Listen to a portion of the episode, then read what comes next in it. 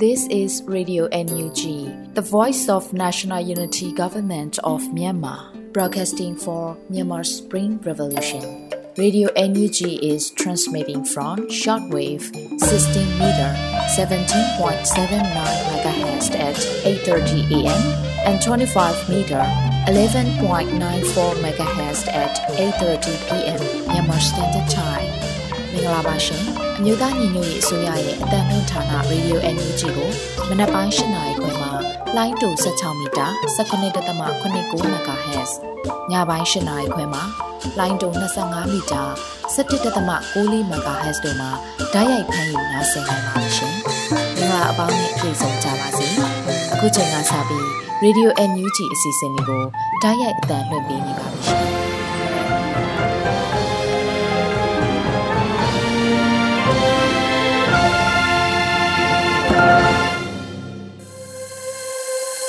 ရေဒီယိုအန်ယူဂျီသောတာရှင်ပေါင်းနဲ့မြန်မာနိုင်ငံသူနိုင်ငံသားပေါင်းတဘာဝဘေးစစ်အာဏာရှင်ပြည်တို့ကနေကင်းဝေးပြီးကိုစိတ်နှပြချမ်းသာချမ်းသာလို့ဘေးကင်းလုံခြုံကြပါစေလို့ရေဒီယိုအန်ယူဂျီဝိုင်းတော်သားတွေကဆုတောင်းမေတ္တာပို့သလိုက်ရပါတယ်ရှင်။ဒီကနေ့2023ခုနှစ်အောက်တိုဘာလ23ရက်နေ့ရေဒီယိုအန်ယူဂျီညပိုင်းအစီအစဉ်လေးကိုစတင်ထုတ်လွှင့်ပေးပါတော့မယ်။ပထမအဦးဆုံးအနေနဲ့ပြည်တွင်းသတင်းတွေကိုလွတ်လပ်နေဦးကဖတ်ကြားတင်ပြပေးသွားမှာဖြစ်ပါတယ်ရှင်။ မင်္ဂလာညခင်းပါခင်ဗျာအခုချိန်ကစပြီးရေဒီယိုအန်ယူဂျီရဲ့အော်တိုဘာလ23ရက်နေ့ညပိုင်းပြည်တွင်းသတင်းများကိုစတင်ကြေညာပေးပါတော့မယ်ကျွန်တော်ကလွတ်လပ်နေဦးပါဥဆုံးအနေနဲ့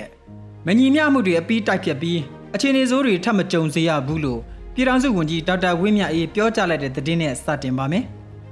မညီမျှမှုတွေအပြီးတိုက်ဖြတ်ပြီးအခြေအနေဆိုးတွေထပ်မကြုံစေရဘူးလို့ပြည်ထောင်စုဝန်ကြီးဒေါက်တာဝင်းမြတ်အေးကပြောကြားလိုက်ပါတယ် အော်တိုဘာလ23ရက်နေ့အပြည့်ပြည့်ဆိုင်ရာဘေးအန္တရာယ်ထိခိုက်ဆုံးရှုံးနိုင်ခြင်းရှော့ချရေးနေ့မှာပြည်ထောင်စုဝန်ကြီးဒေါက်တာဝင်းမြတ်အေးကအခုလိုပြောပါတယ်။တို့အနာကတို့တီဆောက်နေကြတယ်တရားမျှတမှုပြန်ရရမယ်မညီမျှမှုတွေအပြီးတိုက်ဖြတ်ရမယ်ဒီလိုအခြေအနေဆိုးတွေထပ်မကြုံစေရဘူးဒါနွေဦးတော်လိုင်းရေးရဲ့သစ္စာစကားဒီနေ့မှထပ်ပြီးပြောတဲ့ဂတိစကားတွေးကွဲသွားလို့မရဘူးတို့ညီကြမယ်လို့ဝန်ကြီးကဆိုပါတယ်2021ခုနှစ်ဖေဖော်ဝါရီလ1ရက်နေ့ စစ်တပ်ကနိုင်ငံတော်အာဏာကိုလူယူသိမ်းပိုက်ပြီးနောက်ပိုင်းလူပေါင်း4000ကျော်ကိုတပ်ဖြတ်ကာလူပေါင်း2000ကျော်ကိုဖမ်းဆီးချုပ်နှောင်ထားဆဲဖြစ်ပါတယ်ခင်ဗျာဆက်လက်ပြီးမုံလိုင်းခတ်ဖြစ်စဉ်မှာအားပေးတဲ့သူစစ်ကောင်စီနဲ့ပူးပေါင်းသူအားလုံးနှုရင်ပတ်လိုစစ်ခုံရုံးနဲ့တရားစီရင်နိုင်ရမယ်လို့ဒုတိယဝန်ကြီးဦးမော်ထွန်းအောင်ပြောကြားလိုက်တဲ့သတင်းကိုဆက်လက်တင်ပြပါမယ် မုံလိုင်းခတ်ဖြစ်စဉ်မှာအားပေးတဲ့သူစစ်ကောင်စီနဲ့ပူးပေါင်းသူအားလုံးနှုရင်ပတ်လိုစစ်ကုံရုံးနဲ့တရားစီရင်နိုင်ရမယ်လို့ဒုတိယဝန်ကြီးဦးမော်ထွန်းအောင်ကသုံးသပ်ပြောဆိုလိုက်ပါတယ်။တနေ့ဒီဖြစ်စဉ်မှာအားပေးတဲ့သူစစ်ကောင်စီနဲ့ပူးပေါင်းသူအားလုံးနှုရင်ပတ်လိုစစ်ခုံရုံးနဲ့တရားစီရင်နိုင်ရမယ်လို့ဝန်ကြီးကဆိုပါတယ်။အော်တိုဘားလ9ရက်နေ့ည7:23မိနစ်အချိန်မှာ ကချင်ပြည်နယ်လိုင်ဇာမြို့မုံလန်ခက်ကြေးရွာ၌တည်ရှိသောစစ်ပေးရှောင်စခန်းအားအကြမ်းဖက်စစ်ကောင်စီအုပ်စုကလေကြောင်းမှတိုက်ခိုက်တဲ့အပြင်လက်နက်ကြီးများဖြင့်လည်းပစ်ခတ်တိုက်ခိုက်ခဲ့ပါတယ်။ထို့သောပစ်ခတ်သည့်အထက်တွင်အင်အားပြင်းထန်သည့်ဘုံသီးများပါဝင်ပြီးပောက်ကွဲသည့်တီနေယာနှင့်ပေ200ဝန်းကျင်ထိတက်ရောက်မှုရှိခဲ့ကာကလေးငယ်များအပါအဝင်ဒေသခံနဲ့စစ်ဆောင်ပြည်သူများ30ဦးသေဆုံးက58ဦးထိခိုက်ဒဏ်ရာရရှိခဲ့တယ်လို့သိရပါတယ်ခင်ဗျာ။ မြဝတီကော့ကရိတ်အာရှလမ်းမကြီးရှိပြည်သူအားစက်ကြီးကောက်ခံနေသည့်ငါးတန်တရားဂိတ်ကိုပျောက်ကြားစစ်စင်ရေးတစ်ခုဖော်ဆောင်ခဲ့ရာစစ်ကောင်စီတပ်ဖွဲ့ဝင်3ဦးတေဆုံးသွားပါတယ်။အော်တိုဝါလာ73ရက်နေ့မှာဆိုပါစစ်ရေးတရင်ကိုဒေါနာစစ်ကြောင်းမှအခုလိုအတီးပြုတ်ပြောဆိုပါတယ်။ပြည်သူ့ကာကွယ်တပ်မတော်တောင်ပိုင်းစစ်ဒေသစစ်ဒေသကွဲအမှတ်3ဒေါနာစစ်ကြောင်းနဲ့ KNL မဟာမိတ်ပူးပေါင်းဖွဲ့တို့က2023ခုနှစ်အောက်တိုဘာလ17ရက်နေ့ညနေ3:30မိနစ်အချိန်မှာမြဝတီကော့ကရိတ်အာရှလမ်းမကြီးရှိတပ်မ22လောက်ကန်201တပ်ရင်း၏ စစ်ကောင်စီ20ဦးခန့်ရှိပြည်သူအားစကြေးကောက်ခံနေသည့်ငါးတန်တရားဂိတ်ကိုပျောက်ကြားစစ်စင်ရေးတစ်ခုဖော်ဆောင်ခဲ့တယ်လို့ဆိုပါတယ်။ရန်သူတီနီယာနဲ့လှုပ်ရှားမှုအခြေအနေရရက်ကိုစနစ်တကျသတင်းရယူနိုင်ခဲ့ပြီးစနိုက်ပါ338 40မမတို့ဖြင့်စစ်ရေးပစ်မှအတိအကျသတ်မှတ်၍ပစ်ခတ်ချေမှုန်းခဲ့ပြီးရန်သူစစ်ကောင်စီ3ဦးသေဆုံးကအများပြားဒဏ်ရာရရှိခဲ့ကြောင်းသတင်းရရှိပါတယ်။ထို့သောပစ်ခတ်စဉ်ရန်သူဘက်မှလက်နက်ကြီး87မမဆက်လက် MA လက်နက်ငယ်များနဲ့ပြန်လည်တိုက်ခိုက်ခဲ့ပြီး တော်လိုင်းအင်အားစုဘက်မှထိခိုက်မှုမရှိပြည်သူများထိခိုက်မှုမရှိဘဲအောင်မြင်စွာဆုတ်ခါနိုင်ခဲ့တယ်လို့သိရပါတယ်ခင်ဗျာဆက်လက်ပြီးမြောင်မြို့နယ်မှာပြည်သူနေအိမ်များမိရှုပြန်လာတဲ့စစ်ကောင်စီစစ်ကြောင်းဗရေဒါမိုင်းထီလိုနှစ်ဦးသေဆုံးပြီးအများပြားဒဏ်ရာရခဲ့တဲ့အကြောင်းကိုတင်ပြပါဦးမယ်အော်တိုဘလာ23ရက်နေ့မှာစစ်ရေးတရင်ကိုမြောင်ဘိုတောက်ထွန်း MPTT အထူးတပ်ဖွဲ့မှအခုလိုအတီးပြုတ်ပါတယ်မြောင်မြို့နယ်ကြောက်ရည်ကြေးရွာမှာထွက်ခွာလာတဲ့စစ်ကောင်စီစစ်ကြောင်းခေါင်းကွဲကြေးရွာရောက်ရှိပြီး ပြည်သူနေအိမ်များကိုမိရှုခဲ့ပါတယ်။အော်တိုဘာလ12ရက်နေ့ညနေ3နာရီချိန်ဇီးကျွန်းကျေးရွာစစ်ကြောင်းထိုးရာကျေးရွာ2ရွာကြားရောက်တွင်ပရိသာတပွိုင်နဲ့9နိုင်20မိနစ်ချိန်တွင်ပရိသာတပွိုင်မိုင်းဆွဲတိုက်ခိုက်ခဲ့တယ်လို့ဆိုပါတယ်။တိုက်ခိုက်မှုကြောင့်စစ်ကောင်စီဘက်က2ဦးသေဆုံးကဒဏ်ရာအများပြားရရှိပြီးမြောင်ပိုတောက်ထွန်း MBTT အထူးတပ်ဖွဲ့မှမိုင်းစစ်စင်ရေးဆောင်ရွက်ခဲ့တာဖြစ်ပါတယ်ခင်ဗျာ။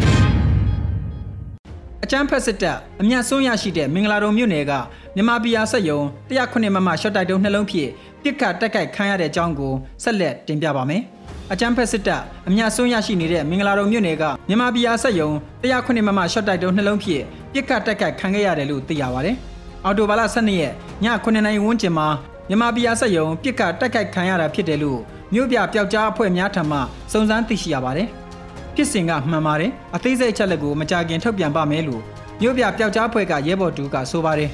ရန်ကုန်တိုင်းမင်္ဂလာတုံမြို့နယ်ရှိစစ်တပ်ပိုင်းမြန်မာပြည်ယာစက်ယုံကို109မမရှော့တိုက်တုံးနှလုံးဖြင့်ယနေ့ညပိုင်းတွင်ပြစ်ခတ်တက်ခတ်ရာစက်ယုံတွင်းသို့ကြာရောက်ပောက်ကွဲခဲ့တယ်လို့ဒေသခံတွေကလည်းဆိုပါတယ်လက်တလုံးမှာထိကပျက်စီးမှုအသေးစိတ်ချက်လက်ကိုဆက်လက်စုံစမ်းအတည်ပြုနေဆဲဖြစ်ပါတယ်ခင်ဗျာ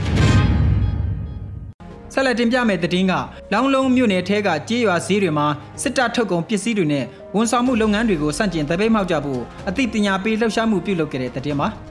လောင်းလုံးမြို့နယ်ထဲကကြေးရွာဈေးတွေမှာစစ်တပ်ထုတ်ကုန်ပစ္စည်းတွေနဲ့ဝန်ဆောင်မှုလုပ်ငန်းတွေကိုစန့်ကျင်တပိတ်မှောက်ကြဖို့အသိပညာပေးလှုပ်ရှားမှုပြုလုပ်ခဲ့ပါတယ်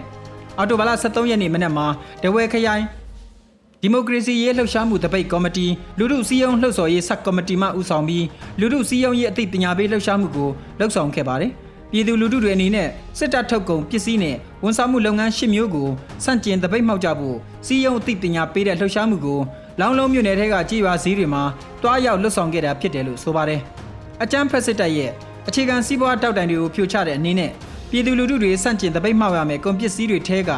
ဗန္ဒာရေးစစ်မျက်နှာပထမပိုင်းလှုပ်ရှားမှုအတွက်ထုတ်ကုန်ရှစ်မျိုးကိုပြီးခဲ့တဲ့ဩဂုတ်လနဲ့စက်တင်ဘာလ2လအတွက်ရွေးချယ်လှုပ်ရှားခဲ့ကြပါတယ်။ အခုတခါအော်တိုဘာလနဲ့နိုဝင်ဘာလတွေမှာလှုပ်ရှားမယ်ဘန်ဒါရေးစစ်မျက်နှာလှုပ်ရှားမှုရဲ့ဒုတိယခြေလှမ်းအနေနဲ့ရွေးချယ်ထားတဲ့စစ်တပ်ပိုင်းကုန်ပစ္စည်းတချို့နဲ့ဝန်ဆောင်မှုလုပ်ငန်းရှစ်မျိုးကတော့1အောင်ပါလီထီ2နမ်းမြိုင်တစိ့ကော်ဖီမျိုးစုံ3ရွှေဖီဦးတစိ့အသင့်ဖြော်လက်ဖက်ရည်လီမွန်တီ၄ရွှေမန်းသူအမြန်ကားလိုင်း၅ရွှေမြိုင်သူအမြန်ကားလိုင်း6ပသိမ်သူအမြန်ကားလိုင်း9တံမြန်သူအမြန်ကားလိုင်း10ရှမ်းမလေးအမြန်ကားလိုင်းတို့ပဲဖြစ်ပါတယ်တောတာရှင်များခင်ဗျာ အခုတင်ပြခဲ့တဲ့သတင်းတွေကိုဗီဒီယိုအန်ယူဂျီသတင်းတောက်မင်းတီဟန်ကပေးပို့ထားတာဖြစ်ပါတယ်ခင်ဗျာ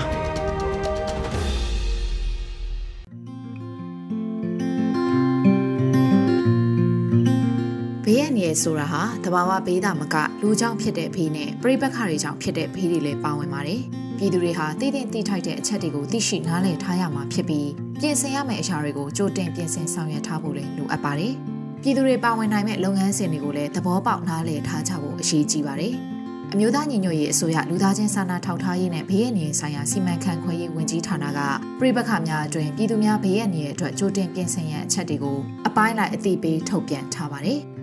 ။ပြည်ပခါများအတွင်ပြည်သူများဘေးရန်ရေးအတွက်ကြိုတင်ပြင်ဆင်ရန်အချက်များအပိုင်း1ကြိုတင်ဆောင်ရွက်သင့်သည့်အချက်များ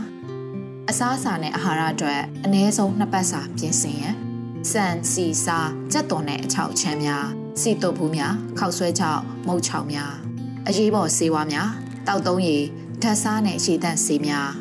ထိခိုက်လွယ်အုပ်စုများဖြစ်တဲ့ခလေးတငယ်ကိုဝင်ဆောင်မတန့်ဆွမ်းနဲ့တက်ကြီးရွယ်ဦးများအတွက်ဖြည့်ဆွတ်စာများဆေးဝါးများအင်တာနက်ဖြတ်တောက်ထားတဲ့ဒေတာတွေကပြည်သူတွေထံကိုအင်တာနက်ရရှိတဲ့ဒေတာတွေကပြည်သူတွေကဖုန်းသတင်း SMS သတင်းပေးပို့ခြင်းများဆောင်ရွက်ရန် ဖုန်းဆက်သွယ်မှုမပြတ်တောက်စေဖို့အတွက်ဖုန်းငွေဖြည့်သွင်းထားခြင်းအင်တာနက်ပြတ်တောက်ခဲ့ပါကငွေထက်မှန်ဖြည့်သွင်းနိုင်ရန်အတွက်ငွေဖြည့်ကပ်များကြိုတင်ဝယ်ယူထားရန် CDMA ဖုန်းကင်ဆောင်သူများဖြစ်ပါကငွေကြိုတင်ဖြည့်သွင်းထားရန်နေအောင်ဖြင့်အားသွင်းနိုင်သည့်လက်နှိပ်ဓမီ LED မီးအိမ်များနဲ့ဘက်ထရီများဆောင်ထားရန်မီးသွင်းမိဖို့အသုံးပြုသူများအတွက်လိုအပ်တဲ့လောင်စာ gas မီးဖို့အသုံးပြုသူများအတွက် gas ဘူးများကြိုတင်ဖြည့်ဆည်းထားရန်တကိုးစားအရေးပေါ်အိတ်ပြင်ဆင်ထားရန် ဘေးရန်ရများနဲ့ပတ်သက်သည့်သတင်းကိုမပြတ်နားဆွင့်ထားရန်မိမိနေထိုင်ရာနေရာမှာကြာရောက်နိုင်တဲ့ဘေးရန်ရတွေကိုမိသားစုဝင်တွေနဲ့ကြိုတင်ဆွေးနွေးထားပြီးအရေးပေါ်အခြေအနေမှာတဦးချင်းစီကဆောင်ရွက်မဲ့လုပ်ငန်းတွေကိုကြိုတင်သတ်မှတ်ပေးထားရန်နေအိမ်မှာဘေးကင်းအလုံးစုံဆုံးနေရာကိုကြိုတင်သတ်မှတ်ထားပြီးမိသားစုဝင်တွေကိုအသိပေးထားရန်နေအိမ်ကိုဆွန့်ခွာရမယ့်အနေအထားရှိမရှိကိုတက်ဆိုင်ရာအရေးပေါ်တုံ့ပြန်ရေးအဖွဲ့တွေနဲ့ချိတ်ဆက်သတင်းရယူရန်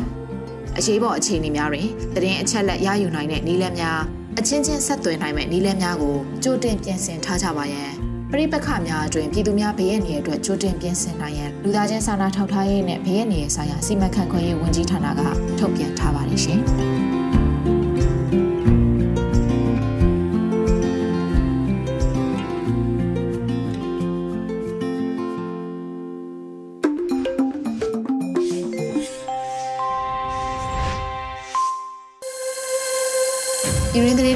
င်းတွေကိုနားဆင်ကြကြရတာပဲဖြစ်ပါတယ်။အခုဆက်လက်ပြီးတော်လိုင်းရေးကြပြကဏ္ဍမှာတော့လူကြပြရေးဖွဲ့ထားပြီးနှွေဦးမိုးခန်းစားရွတ်ဖတ်ထားတဲ့ဥပက္ခများလို့အမည်ရတဲ့ကြပြကိုနားဆင်ကြရပါမယ်ရှင်။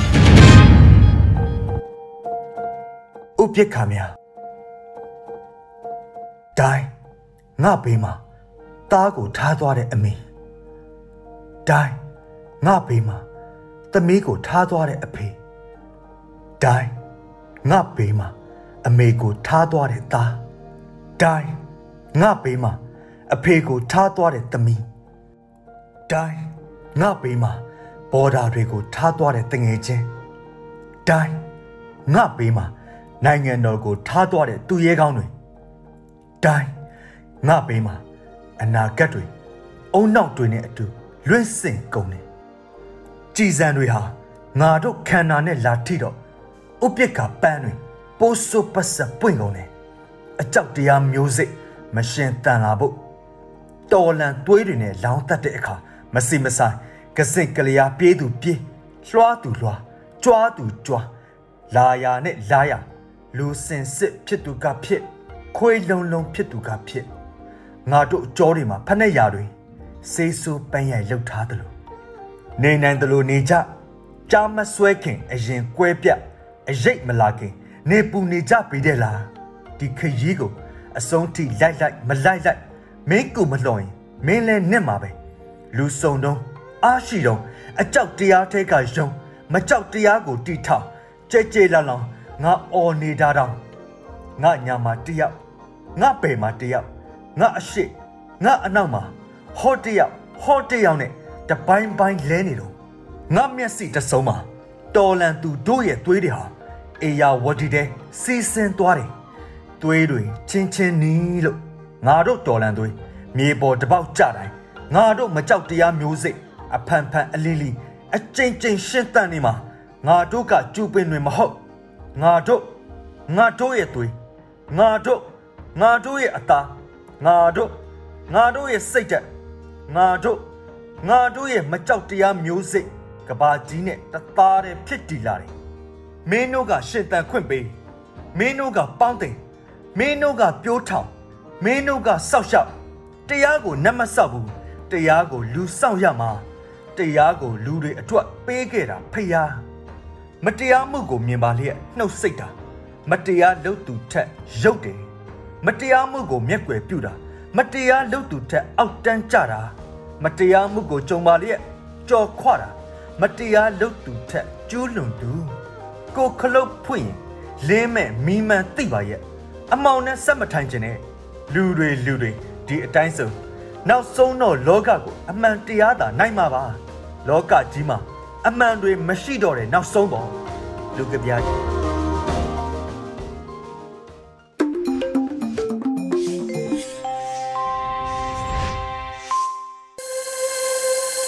တော်တာရှင်များရှင် အခုဆက်လက်ပြီးတော်လိုင်းရေးဆောင်မအစီအစဉ်မှာတော့မိုးခတင်ဆက်ထားတဲ့စီရီယန်တို့ရဲ့အတန်းနဲ့အာမန်အပိုင်း58ကိုထုတ်လွှင့်ပေးလိုက်ပါရရှင်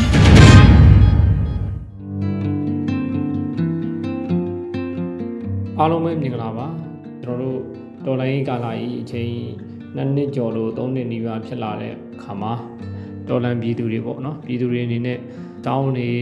ကြက်တဲမှုပြဿနာတွေလုံခြုံရေးဆိုင်ရာပြဿနာတွေပေါ့နောက်ဒါအပြင် ကလေးတွေရဲ့ပညာရေးပိုင်းဆိုင်ရာကိစ္စတွေပေါ့နော်ဒီမျိုးပြဿနာပေါင်းစုံအဆင်ပြေမှုတွေမျိုးစုံနဲ့ကြုံတွေ့နေရမယ်ဆိုတော့လည်းနားလဲပါတယ်နောက်ပြီးတော့စိတ်ပြက်ပွဲရာသတင်းတွေပေါ့နော်အနိဋ္ဌာယုံတွေကိုမြင်ရပံများကြုံရပံများကြားရပံများပြီးတော့လည်းစိတ်တွေကထိုင်ရတိုင်းချက်ပေါင်းစုံနဲ့ဖြစ်နေမယ်ဆိုတော့လည်းနားလဲပါတယ်ပေါ့နော်တစ်ဖက်မှာကြည့်လိုက်လို့ရှိရင်တော်လိုင်းကြီးကရက်နေတာမဟုတ်ပဲသွားတော့သွားနေတယ်ပေါ့နော်သူအရှေအုံနဲ့သွားနေတယ် ဒါပေမဲ့ကျွန်တော်တို့သိထားကမှာကတော်လိုင်းနဲ့ပတ်သက်ပြီးတော့ဖြစ်ပေါ်တိုးတက်ပြောင်းလဲမှုတွေတင်မဟုတ်ပဲနဲ့မကပဲနဲ့ရန်သူဘက်ကခြေလန်းတွေကိုလည်းကျွန်တော်တို့သတိထားစောင့်ကြည့်ရမယ်ပေါ့နော်အထူးသဖြင့်ပြီးခဲ့တဲ့နှစ်လလောက်ပေါ့နော်၈လပိုင်း၉လပိုင်းလောက်အတော်အတွင်းမှာစစ်ကောင်စီဘက်ကနေပြီးတော့မှပြန်ပြီးတော့သူတို့ကသူတို့ရဲ့လှုပ်ဆောင်ချက်တွေပေါ့နော်အရှိန်မြင့်လာတာကိုတွေ့ရလိမ့်မယ် အဲတချို့တွေတဲ့မြန်မာနိုင်ငံရေးကိုမျက်ခြေမပြတ်ဆောင်ကြည့်တဲ့သူတွေဆိုတော့သတိထားမိကောင်းသတိထားမိနိုင်တယ်ပေါ့နော်အဲ့ဒါဘာလဲဆိုတော့သူတို့ကရေပြင်မှာသူတို့ကအကြမ်းဖက်တယ်ပေါ့နော်အကြမ်းဖက်မှုတွေစက်တိုက်လုပ်တယ်လုပ်ပြီးတော့ပြည်သူတွေကိုဒုက္ခရောက်အောင်လုပ်ထားတာပေါ့နော်။ဆောင်းနေကြက်တဲအောင်ပေါ့နော်။ကုန်စည်နှုန်းတွေမြင့်တက်လာအောင်လုပ်တယ်။ဥပမာ CEO တန်းစီရတာမျိုးပြဿနာတွေပေါ့နော်။ဒါမျိုးတွေ CEO လုံးလုံးမရတာစံလုံးလုံးမရတဲ့ပြဿနာမျိုးတွေပေါ့နော်။မြေပြင်မှာဒုက္ခပေါင်းစုံနဲ့ကြုံတွေ့ပြီးတော့နိုင်ငံရေးကိုစိတ်မဝင်စားရအောင် နိုင်ငံရေးကိုဆက်မလုပ်နိုင်အောင်ပေါ့နော်ပြည်သူတွေဒုက္ခရောက်လေသူတို့မတော်လန်နိုင်လေဆိုတဲ့အကြံစိုးနဲ့ပေါ့နော်လောက်တာကိုတွေ့ရမယ်။နောက်အကြံဖတ်တာတွေလေးနဲ့ဘုံကျဲတာတွေစစ်ကြောင်ထိုးတာတွေလူသက်မရင်းချင်းအောင်ပြီးရှို့တာတွေစက်တိုက်လုံနေတာပေါ့နော်အဲ့လိုမျိုးလုပ်တယ်တစ်ဖက်မှာမြေပြင်မှာသူတို့လုံးစရာရှိတာကိုလုံနေသူတို့မျိုးဝေဟင်မှာလဲပေါ့နော် online မှာလဲသူတို့ကပြည်သူအာယုံတွေလွှဲပြောင်းအောင်လုပ်တယ်ပေါ့နော်အာယုံတွေပြောင်းအောင်ပေါ့နော်နိုင်ငံရေးပေါ်စိတ်ဝင်စားမှုရောကြအောင်ပေါ့အထူးသဖြင့် တာမန်ပြည်သူတွေပေါ့အဲတာမန်ပြည်သူတွေကိုအာယုံလွှဲလိုက်တာပေါ့နော်ဟိုမှာ Facebook မှာဆိုလို့ရှိရင်မြန်မာ celebrity လူလိုမျိုးပေါ့နော် MC MC ဆိုလို့ရှိရင်အဲ့မှာမြင်ကြတွေးကြလိမ့်မယ်ပေါ်လို့ပဲစားတွေပေါ့နော်ဘယ်အမှုပညာရှင်ပဲဘယ်သူမှမသိဘူးပေါ့ဆယ်လီကလည်းအများကြီးပေါ့နော်အဲ့မှာ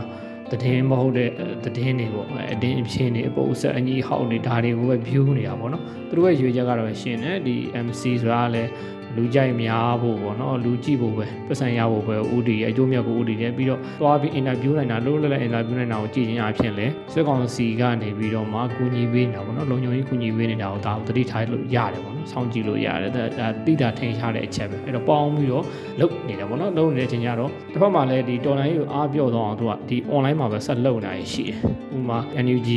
ကိုတော့၎င်းပေါ့နော်နောက်တော်လိုင်းအင်အားစုတွေကိုတော့၎င်းယုံကြည်မှုကင်းမဲ့အောင်ပေါ့နော်အကြည်ညိုပြအောင်ယုံကြည်မှုကင်းမအောင်ပုံရင်းကြစင်အောင်စက်တိုက်ထိုးခွဲနေရတယ်လုပ်တယ်ပေါ့နော်ဒီသူတွေကလည်းဗာဖြစ်လာတယ်ဆိုတော့ဒီလိုမျိုးသတင်းတွေကိုကြားမှမြင်ရမှမြင်ရလာတော့ဥပမာ Facebook ဖွင့်လိုက်တယ်ဆိုပါစို့ဒီပေါ်ပေါ်ပေါ်ဘဲတွေတက်လာတယ် MC အားလိုမျိုးပေါ့နော်ဒါမျိုးတွေတက်လာတယ်ပြီးရင်နောက်စိတ်ပြက်စရာသတင်းတွေပေါ့နော်ဒီ NUG ရဲ့လူကြီးတွေနောက်တော်လိုင်းသမားတွေရဲ့အတင်းပြင်းပုတ်ဆက်တွေဒီလိုသတင်းတွေကြားတာလူတွေမြေပြင်မှာလည်းဒုက္ခတွေရောက်အင်တာနက်ဖွင့်ကြည့်လိုက်တော့လည်းအဆင်မပြေတော့ကြာတော့စိတ်တက်တွေကြဒါမျိုးတွေဖြစ်လာတချို့ဆိုလည်းစိတ်ပြက်လက်ပြက်နဲ့အာဖြစ်ချင်တာဖြစ်သွားဆိုပြီးတော့အဲတော်တွေကနေပြီးတော့မှနေဆက်သွားပြီးအလုပ်တွေသွားလုပ်တာမျိုးပေါ့နော်နော်နောက်ပြီးတော့ဝင်မကူတော့ဘဲနဲ့မကလစ်တော့ဘဲနဲ့ဒါမျိုးလုပ်ရရတယ်လည်းရှိတယ်ပေါ့ ချိုးကြလဲကျမ်းမာရေးအကြောင်းပြပြီးတော့ဘာမှမပြောကြတော့တာတွေရှိတယ်ပေါ့နော်ဒါမျိုးတွေကိုကျွန်တော်တို့ကသတိထားရမယ်ဒေါ်လန်ရေးခေါင်းဆောင်ပေါ့နော်ဒေါ်လန်တက်ဦးမှာရှိနေတဲ့ NUG ကအကြီးအကဲတွေအနေနဲ့ကလည်းဒါတွေကိုသိရှိနားလည်ထားဖို့လိုတယ်ပေါ့နော်ဘာဖြစ်လို့လဲဆိုတော့ဒီမှာ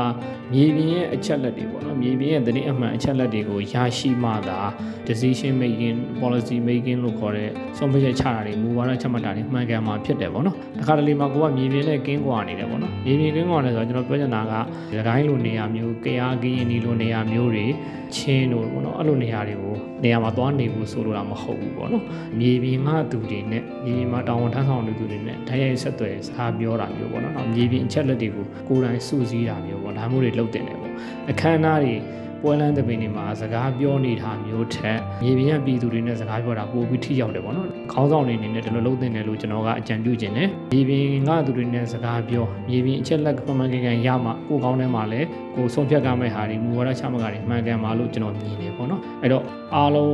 ပိုကောင်းလာဖို့ကိုစူးစမ်းနေကြတာအတူတူပေါ့နော် open minded ဖြစ်ဖို့တော့လိုတယ်စိတ်သဘောထားတွေကြီးဖို့လိုတယ်ပေါ့နော်အမြဲတမ်းကိုမှန်နေတယ်ကိုလောက်တာကောင်းတယ်ကိုအဖွဲ့အစည်းအမှန်ဆိုတာမျိုးတော့ယူဆလို့မရဘူးပေါ့နော်အားတို့ဘာတွေမှားနေလဲဘာတွေလိုအပ်ချက်တွေရှိနေလဲဆိုတာကိုအမြဲတမ်း view ပြုပြီးတော့ပြင်ဆင်သင့်တယ်ပေါ့နော်တစ်ဖက်ကရန်သူကိုလည်းဘယ်တော့မှရှော့မတွက်သင့်ဘူးပေါ့နော်ရန်သူကဒီမိနစ်တနည်းမှာဖြစ်ပေါ်လာတဲ့ရန်သူမဟုတ်ဘူးနှစ်ပေါင်း80ကျော်ကြာအောင်တိုင်းပြည်နဲ့လူမျိုးရဲ့အကုတ်သွေးကိုစုပ် ERO တွေကိုအမျိုးမျိုးသွေးခွဲပြီးတော့တိုင်းပြည်ကိုအာဏာကိုထိမ့်ချုပ်ထားတာပေါ့နော်အဲ့တော့အရန်သူကို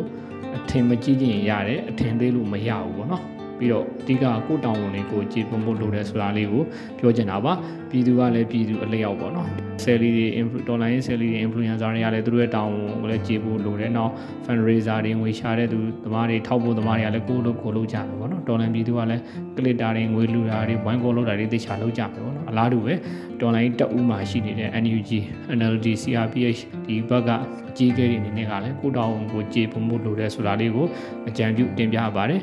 အဲရေးတော့ဖို့မုတ်ချအောင်ရမယ်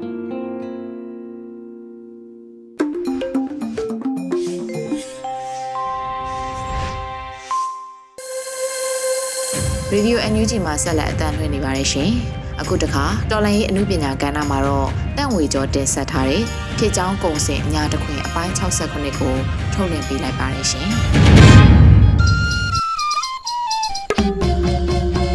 အညာတခွင်ကဖြစ်ကြောင်းပုံစံပြောပြ ရရင်အာနာရှင်တော်လည်းရင်အမြင့်ဖြုတ်ဖို့မြင်တော်လူတော်ကပြည်သူများညီညွတ်လို့ပင်ဖတ်စစ်တော်လည်းရထပါလိမ့်မယ်တင်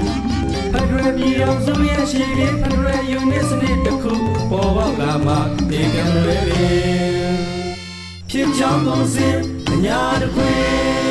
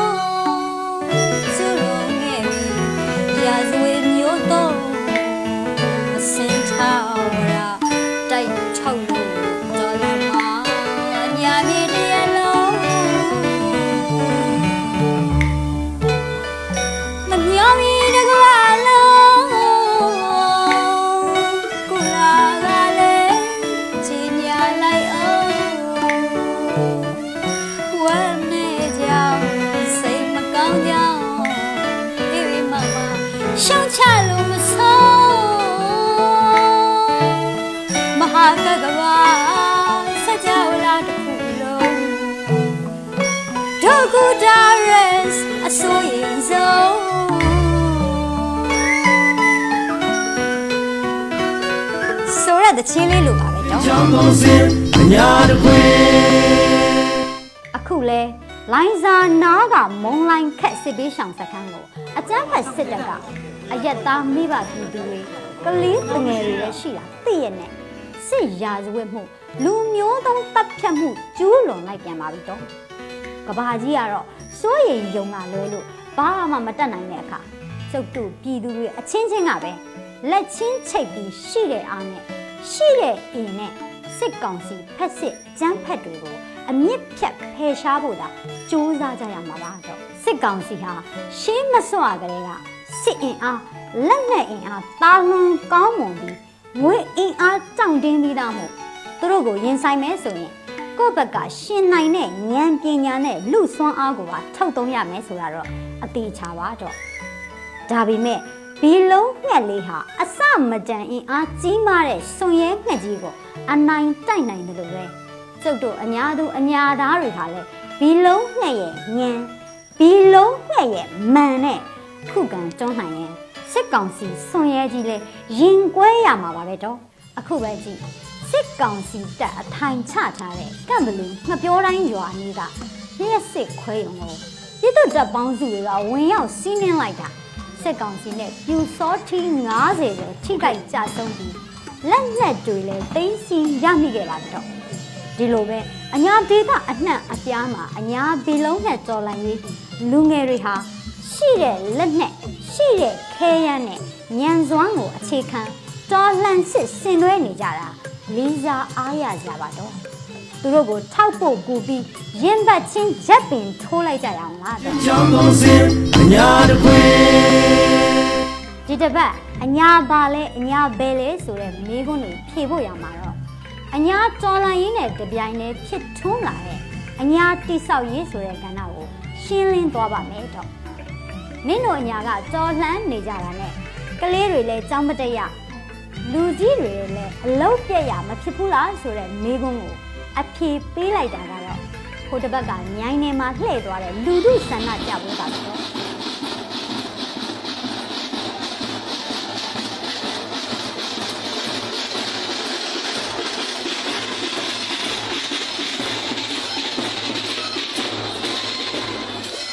အဲအဲ့ဒီဒင်ခရာတက်ကစစ်ကောင်စီကျောင်းကတင်ကြားပြတာပေးလိုက်တဲ့ဒင်ခရာတက်မဟုတ်ဘူးတော့အညာကပြည်သူတွေကိုယ်တိုင်တီထောင်းထားတဲ့ ပြည်သူအခြေပြုကျောင်းကတင်ကြားလေ့ကျင့်ပေးထားတဲ့ဒင်ခရာတက်ပါတော့အဲ့ဒီနေရာတင်လားဆိုတော့ဘယ်ဟုတ်မလဲဒီမှာကြည့်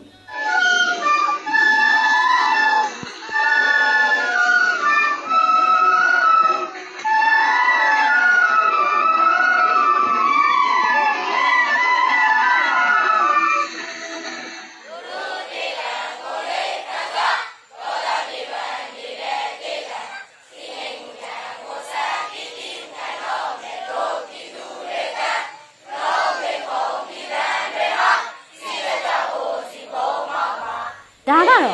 ရင်းမပင်ခရိုင်တနေရာကပြည်သူအခြေလူအကြောင်းကကလေးတွေအမှုပညာစွမ်းရည်ဂိတစွမ်းရည်ပြနေကြတာပါပဲတော့ကြောင်းကုန်စင်အညာတခွေ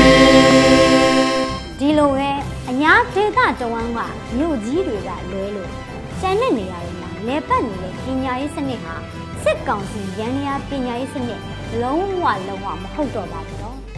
စစ်ကြုံပညာရေးစနစ်ကိုရုံးထွက်လိုက်ပြီးဖြစ်တဲ့ ပြည်သူသခင်ပညာရေးစနစ်ကိုတည်ဆောက်နိုင်ခဲ့ပါပြီတော့ပြည်သူပညာရေးစနစ်မှာအခြေခံပညာသာမက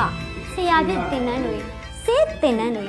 စတဲ့အသက်မွေးပညာအဆင့်မြင့်ပညာတွေတောင်သင်ကြားပေးနေပြီပဲဖြစ်ပါတယ်တော့နောက်တစ်ခုဖြစ်တဲ့ကျမ်းမာရေးဆိုရင်လည်းကျင်းလက်ဒေတာတွေမှာလူငယ် volunteer တွေနဲ့ဆရာဝန်တွေဟာ mobile team တွေနဲ့လှည့်လည်ကုသတာမျိုးတွေရှိလာနေပါပြီ အပြည့်အဝစောင့်ရှောက်မှုရှိပြီလားဆိုတော့ပြည့်စုံမှုတော့မရှိသေးပါဘူးတော့ဒါပေမဲ့စကစလောက်တို့ပျော်ဆိုင်ရာနန်းဆေးရုံတွေလို့မငေါ့မဟောက်ခဲစေတနာအပြည့်နဲ့ပြုစုကုသပေးတာတွေကိုတော့ရရှိမှာအသေးချပါပဲတော့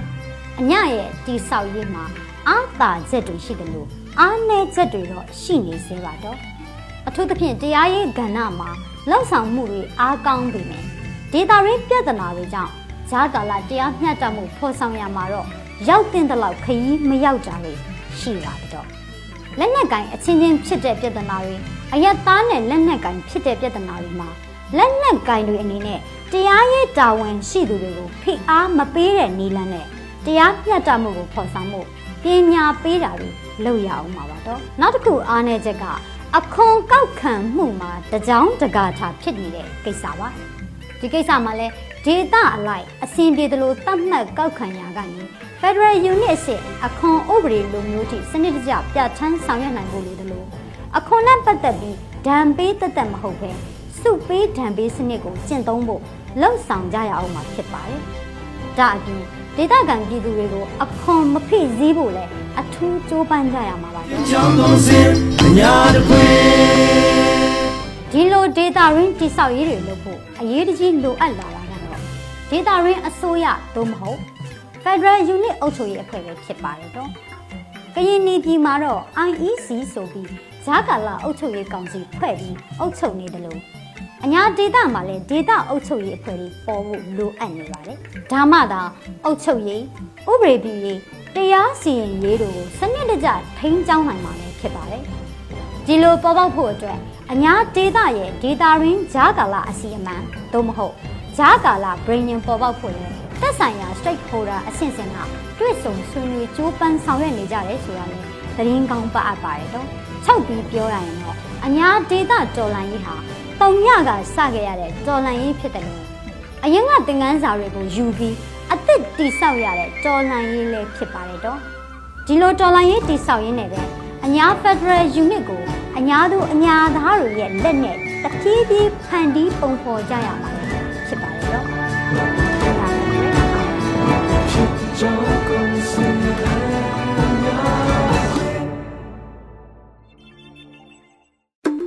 ဒီကနေ့ကတော့ဒီညနဲ့ပဲ Radio NUG ရဲ့အစီအစဉ်လေးကိုခਿੱတရနာလိုက်ပါမယ်ရှင်။မြမစံတော်ချိန်မနက်၈နာရီခွဲနဲ့ည၈နာရီခွဲအချိန်တွေမှာပြန်လည်ဆုံတွေ့ကြပါစို့။ Radio NUG ကိုမနက်ပိုင်း၈နာရီခွဲမှာလိုင်းတူ16မီတာ19.8 MHz